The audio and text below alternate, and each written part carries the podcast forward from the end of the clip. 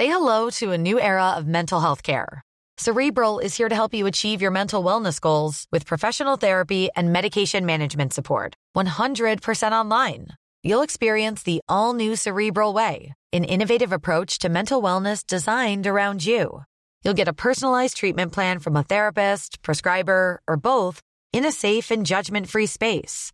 Your cerebral therapist or prescriber will outline a customized plan with clear milestones along the way so you can get to feeling your best. With Cerebral, you're not alone in your mental health journey. We're here to empower you to live a fulfilling life.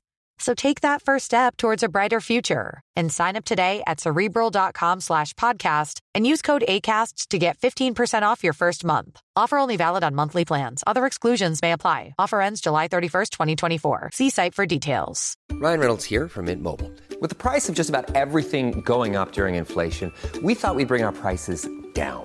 So to help us, we brought in a reverse auctioneer, which is apparently a thing. Mint Mobile unlimited premium wireless. Ready to get 30, 30, bit to get 30, bit to get 20, 20, 20, bit to get 20, 20, bit to get 15, 15, 15, 15 just 15 bucks a month. So, Give it a try at mintmobile.com slash switch. $45 upfront for three months plus taxes and fees. Promo rate for new customers for limited time. Unlimited more than 40 gigabytes per month. Slows. Full terms at mintmobile.com. Botox Cosmetic, out of botulinum toxin A, FDA approved for over 20 years. So, talk to your specialist to see if Botox Cosmetic is right for you. For full prescribing information, including boxed warning, visit BotoxCosmetic.com or call 877-351-0300. Remember to ask for Botox Cosmetic by name. To see for yourself and learn more, visit BotoxCosmetic.com. That's BotoxCosmetic.com.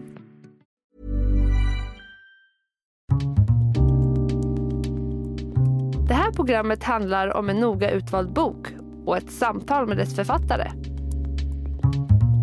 Välkommen till Lära från lärda.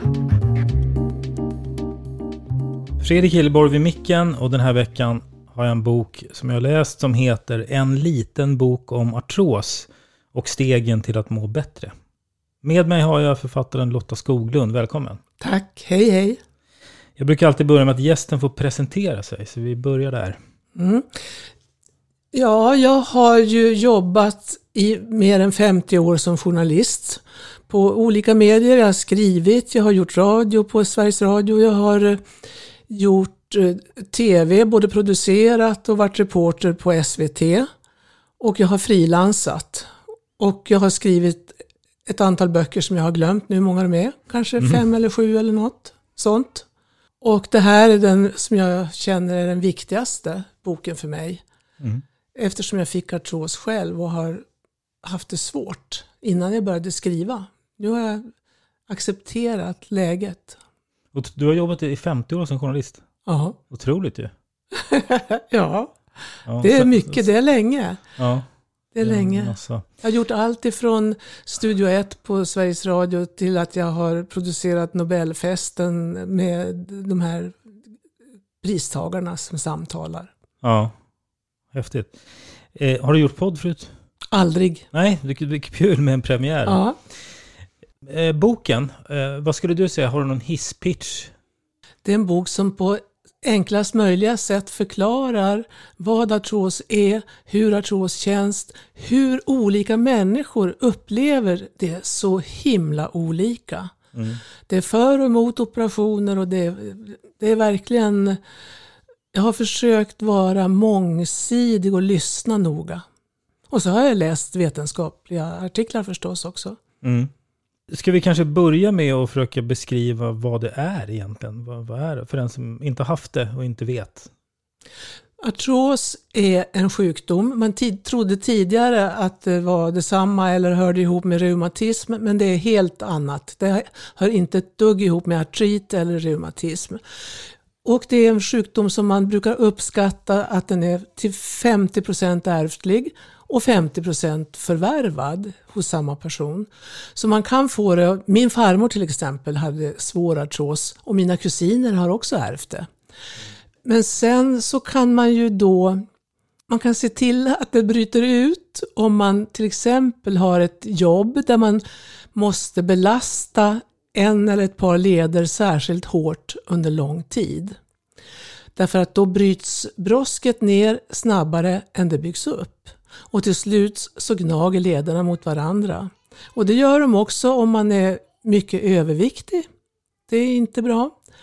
Och det kan också hända efter olycksfall, alltså i sport eller bara vanliga olycksfall.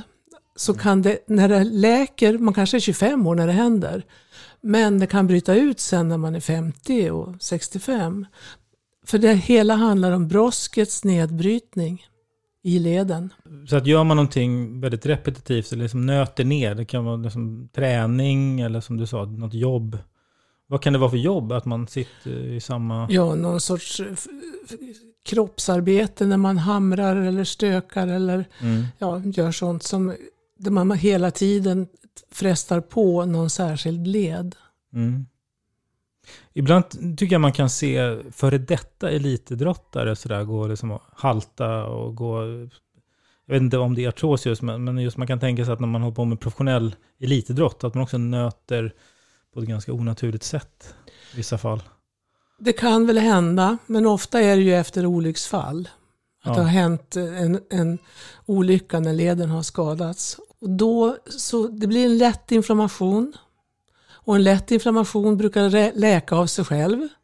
För kom, så fort det har hänt någonting som gör att kroppen behöver läkas så får du en lätt inflammation. Men vid artros så går den inte över utan finns kvar. Så tillsammans med att brosket bryts ner snabbare än vad det byggs upp så är det också en orsak. Och man kan få det i... i... Ja, alla leder. Du kan få det i, i axlar, du kan få det i fotlederna, du kan få det i tårna, du kan få det i höfterna. Det är vanligt med höfter och knän och fingrar är det som är vanligast. Mm. Är det någon speciell ålder som, som det är störst risk eller det, det som flest får det? Ja, ju äldre du är desto, större, desto fler blir det som det bryter ut hos. Mm, det ökar. Och över 45 så är det en av fyra. Ja, en fjärdedel av hela befolkningen. I Sverige som har det. Det är nästan en miljon. Ja, och det ökar, men också mycket på grund av att vi blir äldre och lever längre. Ja, så är det. Eh, så att är egentligen ökningen på grund av det, eller ök, hade det ökat ändå? Det är kanske är svårt att räkna ut i och för sig. Det vet jag faktiskt inte. Nej. Men det ökar i alla fall. Det är ett stort, ja. det är stort eh, problem för många. I, I, världen är det 530 miljoner. Så jag är inte ensam. Nej.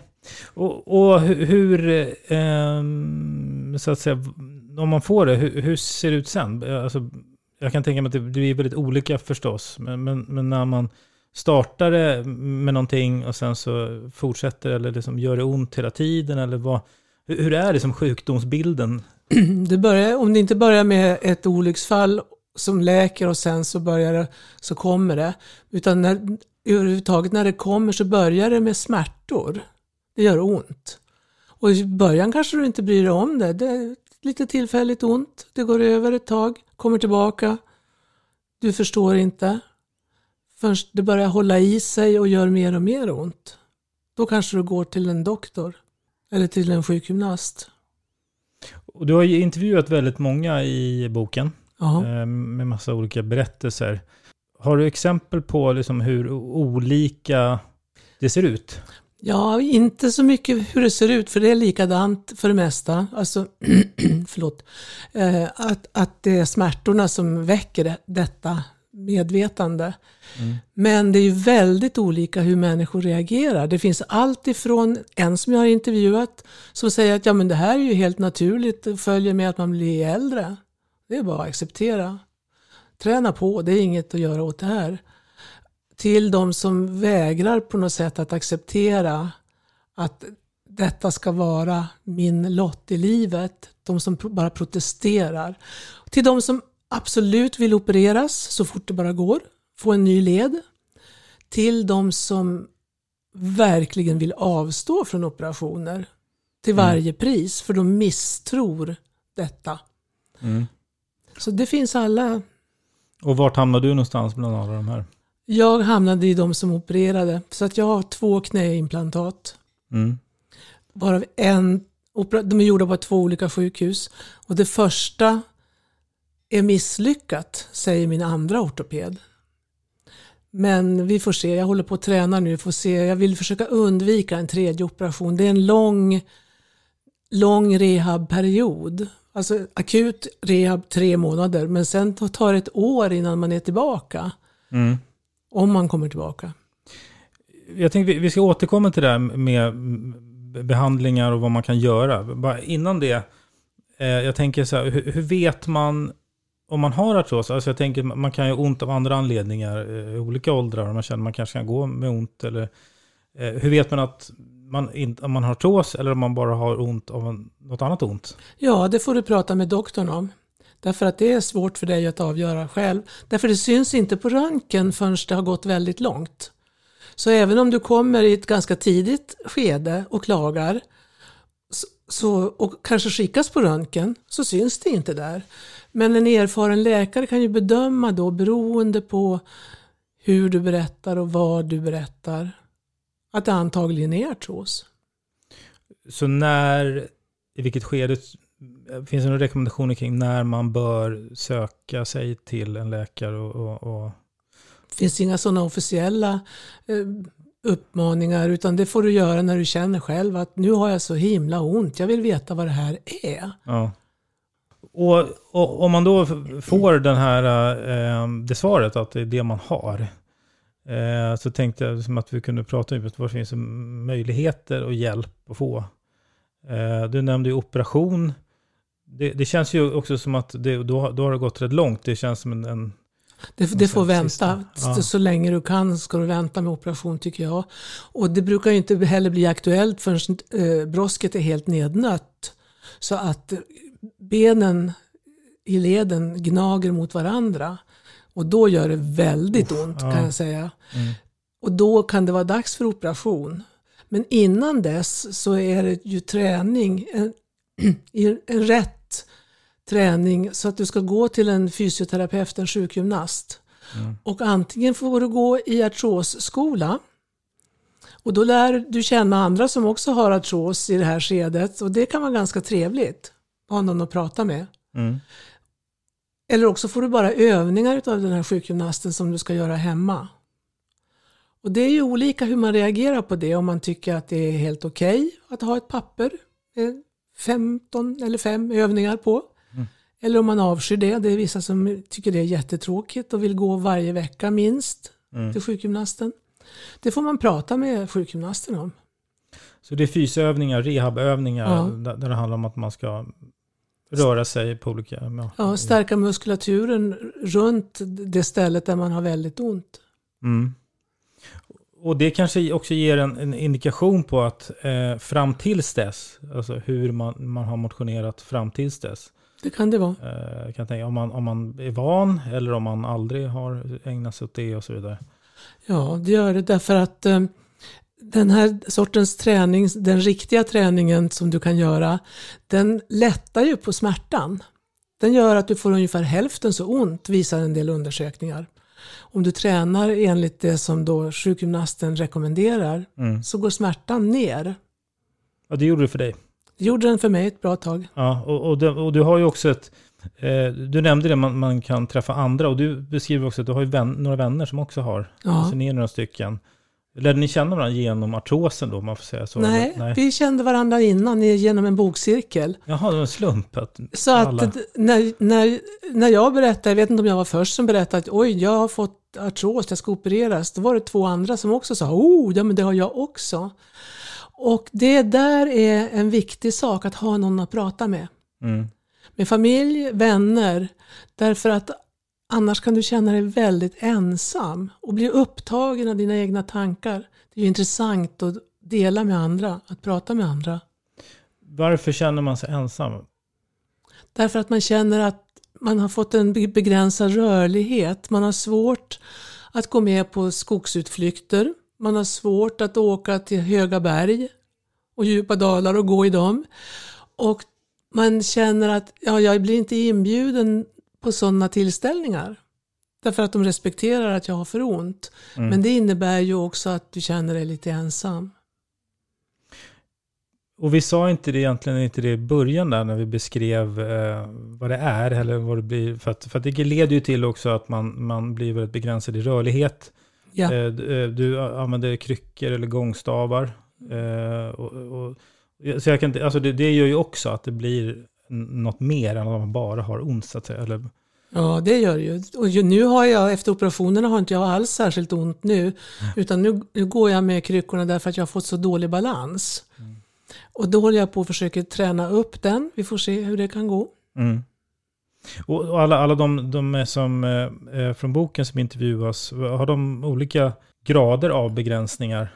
Ja, det har de. Det är ju ingen som är helt fri från begränsningar. Det är det inte. Nej. Men, men att, att ta promenader eh, funkar, men liksom Mm. jog, jogga eller något sånt där, det är bara att glömma eller?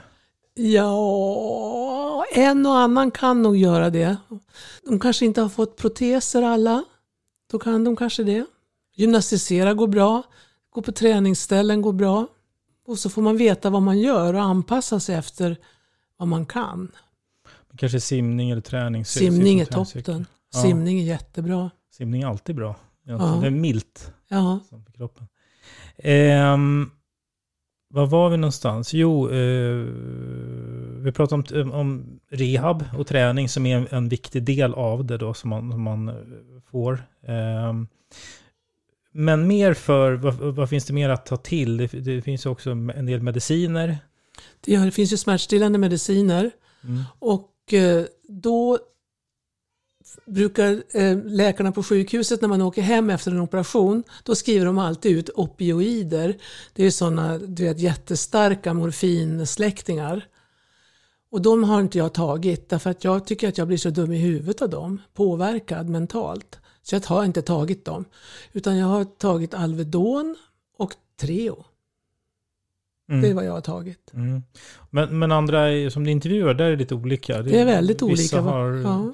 Ehm, och vad sa du? Opioider, det, det, där är det liksom bevisat att det finns vissa som, som man tål det bättre eller sämre och, och det finns ja, vissa just det. Och sen biverkningar. Det finns ju en risk för att man blir beroende. Det är som ja, narkotika på det sättet, att man kan bli beroende.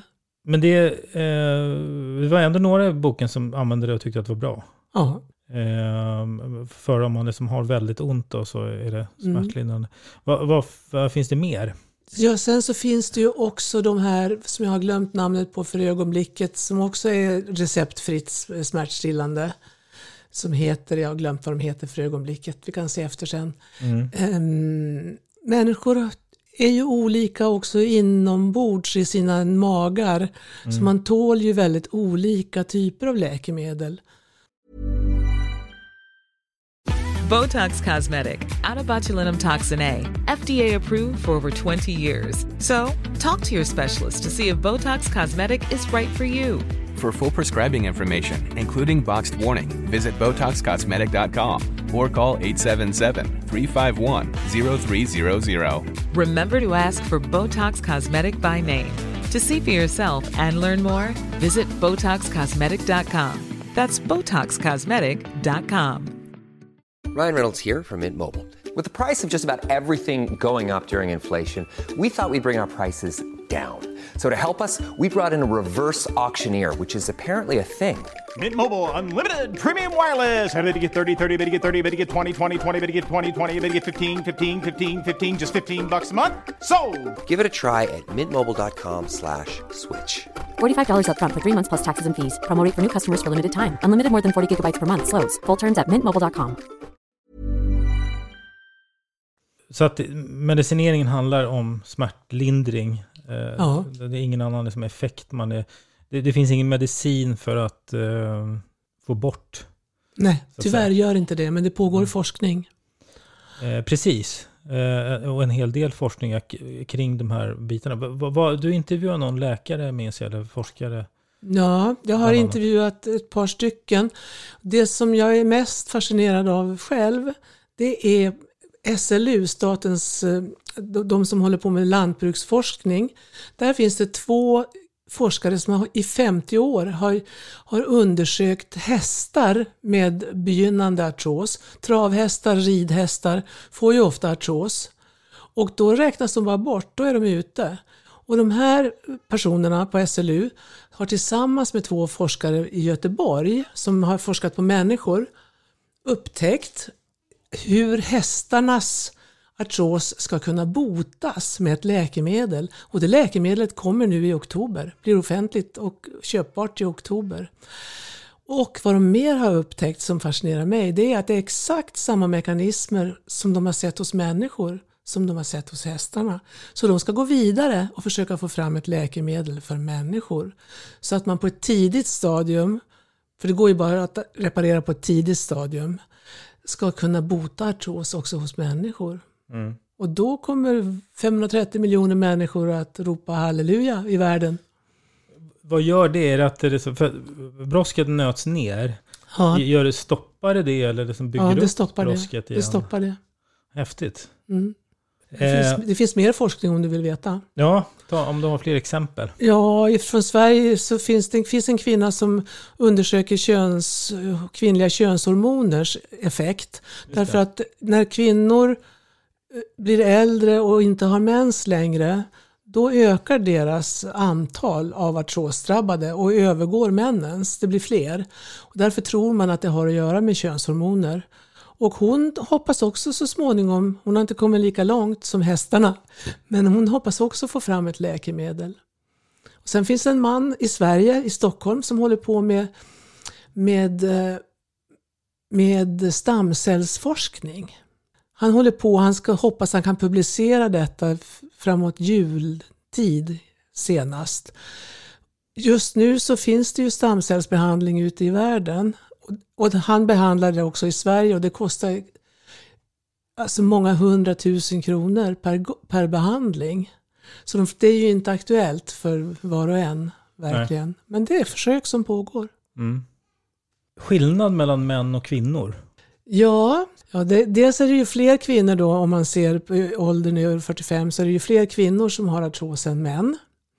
Och dels så reagerar kvinnor psykologiskt annorlunda än män. Ja, det var det jag tyckte var intressant. ja, och det tror jag har att göra med att vi kvinnor, vi är vana vid att vi kan beklaga oss. Vi kan säga åh, jag har så ont. Medan män i sin traditionella uppfostran har lärt sig att inte klaga i onödan och därför håller tyst. Mm. Så länge de kan. På gott och ont då? På gott och Eh, ont. kan ju bli att, man, att en sjukdom går för långt då istället såklart. Men du, men du tror att det, det är lite sociologiska eh, Det tror jag. förklaringar till Ja, det? det tror jag. Var det något du pratade med dina, eh, de du intervjuade? Nej, Om- jag gjorde inte det. Därför att jag kom på det efteråt. När, Ja, det- när jag satt och skrev. Ja, för du diskuterade det i ett kapitel och jag Ja. det var en- det är en spännande skillnad där. Eh, Och just det, och att, och att det är fler kvinnor som får det. Vad är egentligen förklaringen till det då? Ja, det tror man är könshormonerna. När Mm. de slutar med sin stora produktion hos kvinnor och går ner ordentligt, Mm. då tror man att det är det som orsakar artrosen. Och, eller bid, att det bidrar till att artro- artrosen bryter ut hos kvinnor. Mm. Oftare än hos män. Män har ju också kvinnliga könshormoner, men inte alls lika många. Nej. Och vi var inne där på vad man kan göra. Och då förutom smärtlindrande så vi, vi var inne på det tidigare det här med, med operation. Mm. Eh, du har gjort två Mm. eh, och väntar på en tredje. Kanske. Kanske, ja. Eh, vad, eh, vi kan börja med det. Vad är det för operation man gör? Man byter ut en led och, mot en led i plast. Så man sövs. Eller ja, det kan ju också vara att man bara blir bedövad om man kräver det.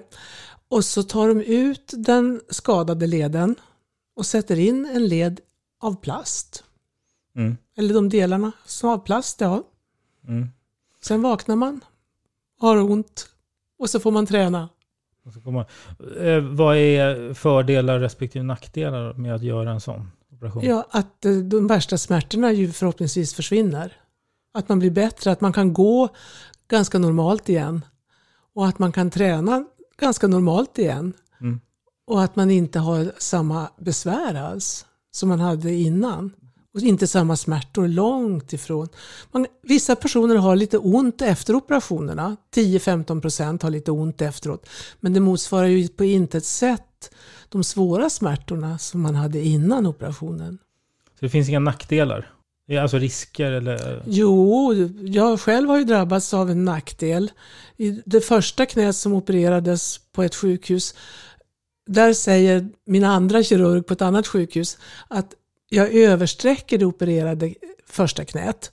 Och det beror på att den kirurgen inte noterade att jag, han borde ha räknat ut att jag skulle kunna översträcka mitt knä.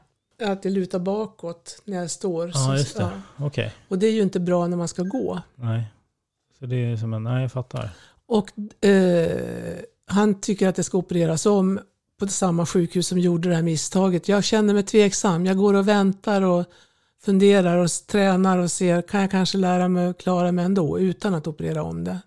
Mm.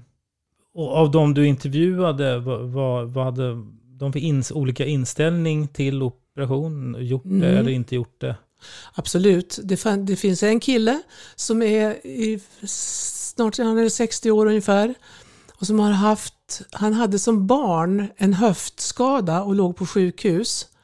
Och har efter det alltid haft bekymmer med sin höft och gått lite olyckligt på det, av det skälet. Och nu har han artros och eh, han vill inte bli opererad. Han misstror operationerna. Och vad det beror på det har vi inte kommit fram till men det hänger sig antagligen ihop med hans mycket tidiga sjukhusvistelse tror jag. Mm. Och sen så finns det andra som bara längtar efter operation så fort som möjligt och gärna på en gång om mm. det går. Men, men om man säger det, det, finns en, det kan ändå finnas eh, risk för att det inte blir helt bra då? Eller alltså ja, blir den perfekt. Det ja. Och det gör det väl alltid med operationer såklart. Men, men eh, sen är det så att är det lång väntetid? Ja, det har ju varit extra lång väntetid nu på grund av covid. Men det är ju uppemot, ja, i alla fall för, det beror ju lite grann på hur pass svår skadan är, hur mycket man lider tror jag att de tar hänsyn till. Men det är väl ett halvår, ett år. Så det, det är egentligen det som man liksom kan göra eh, idag. Alltså man, man rehabar och tränar. Det finns smärtlindrande, eh, olika typer av, och sen operation. Mm. Och sen vänta på att forskningen ska göra framsteg helt ja. enkelt. Eh, är det något mer som man liksom gör för att motverka det så? Det skulle vara att man blir svårartat religiös då. Ja, precis. Du beskriver, det, det finns för alltid sådana här eh, idéer kring andra typer av mediciner som inte, eh, vad, vad kallas det? Naturmediciner och annat som, som, vissa tror på och sådär. Ja, och eh, vissa blir ju, känner ju att de blir hjälpta av det. Och eh, då tycker jag så här, om de, betal, om de betalar många tusen kronor och tycker att de blir hjälpta, då säger jag aj, aj, aj, tänk efter vad du gör. Men om de bara betalar 300 och blir hjälpta, då tycker inte jag att jag kan ifrågasätta det riktigt. Därför, vem är jag att ta ifrån någon annan den personens upplevelse? Det kanske ja, hjälper eller hjälper inte, det är ju en fråga om upplevelse också. Mm. Och tro. Har du träffat några som, som tycker att de blir hjälpta av ja, icke bevisade mediciner? någon som jag, bara några som jag har småpratat med, ingen som jag har pratat med i, intervjuat i boken. Det, det har jag eh, inte.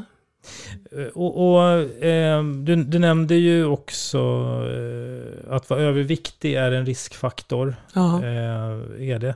Och för, för du är också inne på det här, jag tycker man kommer in på det i många böcker med massor som handlar om helt olika saker med kost och träning, eh, mm. vikt. Att det är även här viktigt som mycket med så mycket viktigt. annat. Mycket viktigt är det. Mycket viktigt alltså eftersom det här också drabbar äldre människor ofta, så är det ju ännu svårare att gå ner i vikt om man har en ordentlig övervikt. Så för varje steg man tar belastas ju extra av övervikten. Mm. Så vartenda kilo som tas bort är ju till gagn. Mm. Och det är svårt. Men alltså om man äter då enligt de nordiska rekommendationerna eller medelhavsmaten och håller på ett bra tag, ger sig själv tålamod, så kan man ju gå ner åtminstone några kilon. Men maten, det har först och främst med vikten att göra. Det, det är inte att det har det med brosken direkt att göra. Inte med brosket, men däremot det, det finns ju alltid en lätt inflammation i samband med att brosket bryts ner.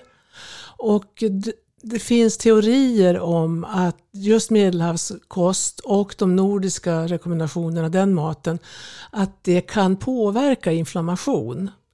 Det är inte riktigt bevisat, men det är många som hävdar det. Mm. Du skriver lite om det här med, med som eh, anhörig till. Mm. Och det kan man ju lätt tänka när, när, man, när man, om man känner någon eh, som har väldigt ont och, och lider av det här att man tycker synd om personen. Ja. Vad tänker du om det? Ja, de, de som står mig närmast är ju då dels vänner men också mina söner. Och de är båda sma, smala och sportiga. Och jag förstår att de ibland tycker synd om mig men de uttrycker inte det utan de uppmuntrar mig till att träna. Mm. Och eh, ibland så är, de erbjuder sig också att hjälpa till med sånt som de förstår att jag tycker är besvärligt. Mm. Ja, för egentligen för, frågan blir ju om man tänker den, den som lyssnar och sådär, om, man- om man då känner någon som, som får sådana här besvär eller, eller har det, hur, vad man ska, kan tänka på. Ja, då tycker jag att man ska uppmana den personen att tala om hur man har det. Med vänner och med familj. Berätta, så här känner jag det, så här är det för mig. Och vad, vad vill du veta, vad undrar du över? Att det blir ett resonemang kring detta. Därför att dela upplevelser är alltid hjälpsamt. Hjälp, annars kan man fastna i svårare, svårare tankar, i värre tankar. Så samtal är mycket, mycket bra. Också med vänner. Och det kan ibland bli att man bara, som jag med mina närmaste vänner, vi, har, vi kan bara säga så här, ja idag har jag ont så här, jag har det, jag har. Och inte mer än så. Men ibland kan vi också sitta och prata ganska länge om har vi googlat? Har vi läst något nytt? Har vi hört något nytt? Har vi varit hos doktorn? Har vi lärt oss något nytt? Det kan bli ganska långa samtal. Och, och den här artrosskolan som du nämnde, vad är det för något, en artrosskola? Det är att man går till en fysioterapeut eller en sjukgymnast och eh, säger jag vill gå i artrosskola. Och då får man gå, jag kommer inte ihåg om det var åtta eller tio gånger, så man går tillsammans med andra och lär sig att göra övningar under överinseende då och kontroll, att man gör på rätt sätt. De här övningarna ska du göra och så här ska du inte göra. Och det är ju otroligt hjälpsamt alltså. Verkligen bra. Mm. Det är också så att när man tränar, har tränat ett tag så får man mindre ont. Själva träningen leder så småningom till mindre ont. Man får starkare muskler och då avlastar det också lederna. För, eh, när jag läste då i vissa intervjuer där, det var flera som pratade om det, det gäller att ha tålamod, det gäller att, att hålla i. Absolut. Så man, så att man inte till slut tröttnar. För det ger effekten då. Ja, Alltså det gör en det. långsiktig effekt. Mm. Men hur lång tid tar det? eh, innan- Det har jag inte tänkt på hur lång tid det tar, men det tar väl i alla fall från en månad upp till, och sen om du tränar väldigt mycket kan det ju ta upp till ett halvår, ett år innan det... Det beror ju på hur mycket du tränar och vad du tränar och Mm. vad du har för mål också. Är det någon pusselbit i boken som vi inte har pratat om som du vill Ja. nämna? Mm. Acceptans. Just det, det skriver de också. Ja. Ja. Och det är jättesvårt men viktigt. Och, och beskriv vad du menar då med acceptans. Jag menar att man jobbar på att acceptera sitt läge. Att smärtor och rörelsehinder och de här känslorna av ensamhet och uppgivenhet som man kan få, att de ju motarbetar min möjlighet att få ett acceptabelt liv. Om jag kan acceptera läget så mår jag faktiskt genast lite bättre. Och hur ska jag göra det då? Dels har det hjälpt mig att tänka på att jag är inte ensam. Vi är 530 miljoner i världen, 100 miljoner i Sverige. Det- Jag har vänner, jag har bekanta, jag har släktingar, kusiner som har samma sak. Det tillhör på många sätt ett ganska normalt liv hos oss. Samtidigt så har ju vi i Sverige, vi har det väldigt mycket bättre än människor i andra länder. Och det har tröstat mig för att jag tänker så här, jag tänker på min farmor. Ja, inte hade hon de här lättillgängliga smärtlindringstabletterna. Det hade inte hon. Hon hade ett svårare liv. Hon hade svårare... Att gå till affären var mycket längre för henne och mer omöjligt än det är för mig. Vi har också, jämför, om du jämför med människor i fattigare länder, så har ju vi möjlighet att äta och bra, att roa oss, att se på tv, att gå på teater, att, att göra saker som kostar en del pengar men som gör att vi blir lite mer muntra till sinnet. Mm. Och det är viktigt. Och sen, det, en av mina intervjupersoner hon säger att det hjälper henne att tänka på att hon lever i ett land utan krig. Hon har mat varje dag. Hon behöver inte känna att hon är så utlämnad som många andra i världen. Nej. Då säger jag tack för att du var med. Tack för att jag fick vara med säger jag.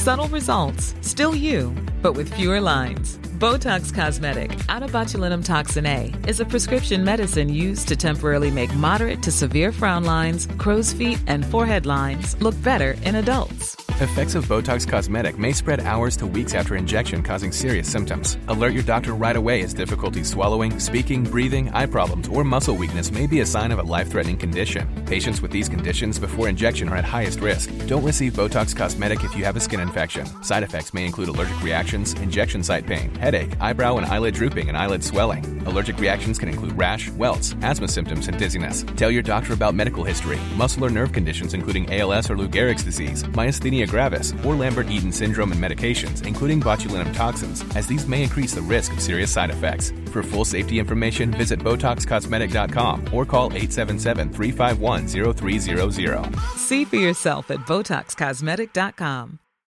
Botox Cosmetic, out of botulinum toxin A, FDA approved for over 20 years. So, talk to your specialist to see if Botox Cosmetic is right for you. For full prescribing information, including boxed warning, visit BotoxCosmetic.com or call 877-351-0300. Remember to ask for Botox Cosmetic by name. To see for yourself and learn more, visit BotoxCosmetic.com. That's BotoxCosmetic.com.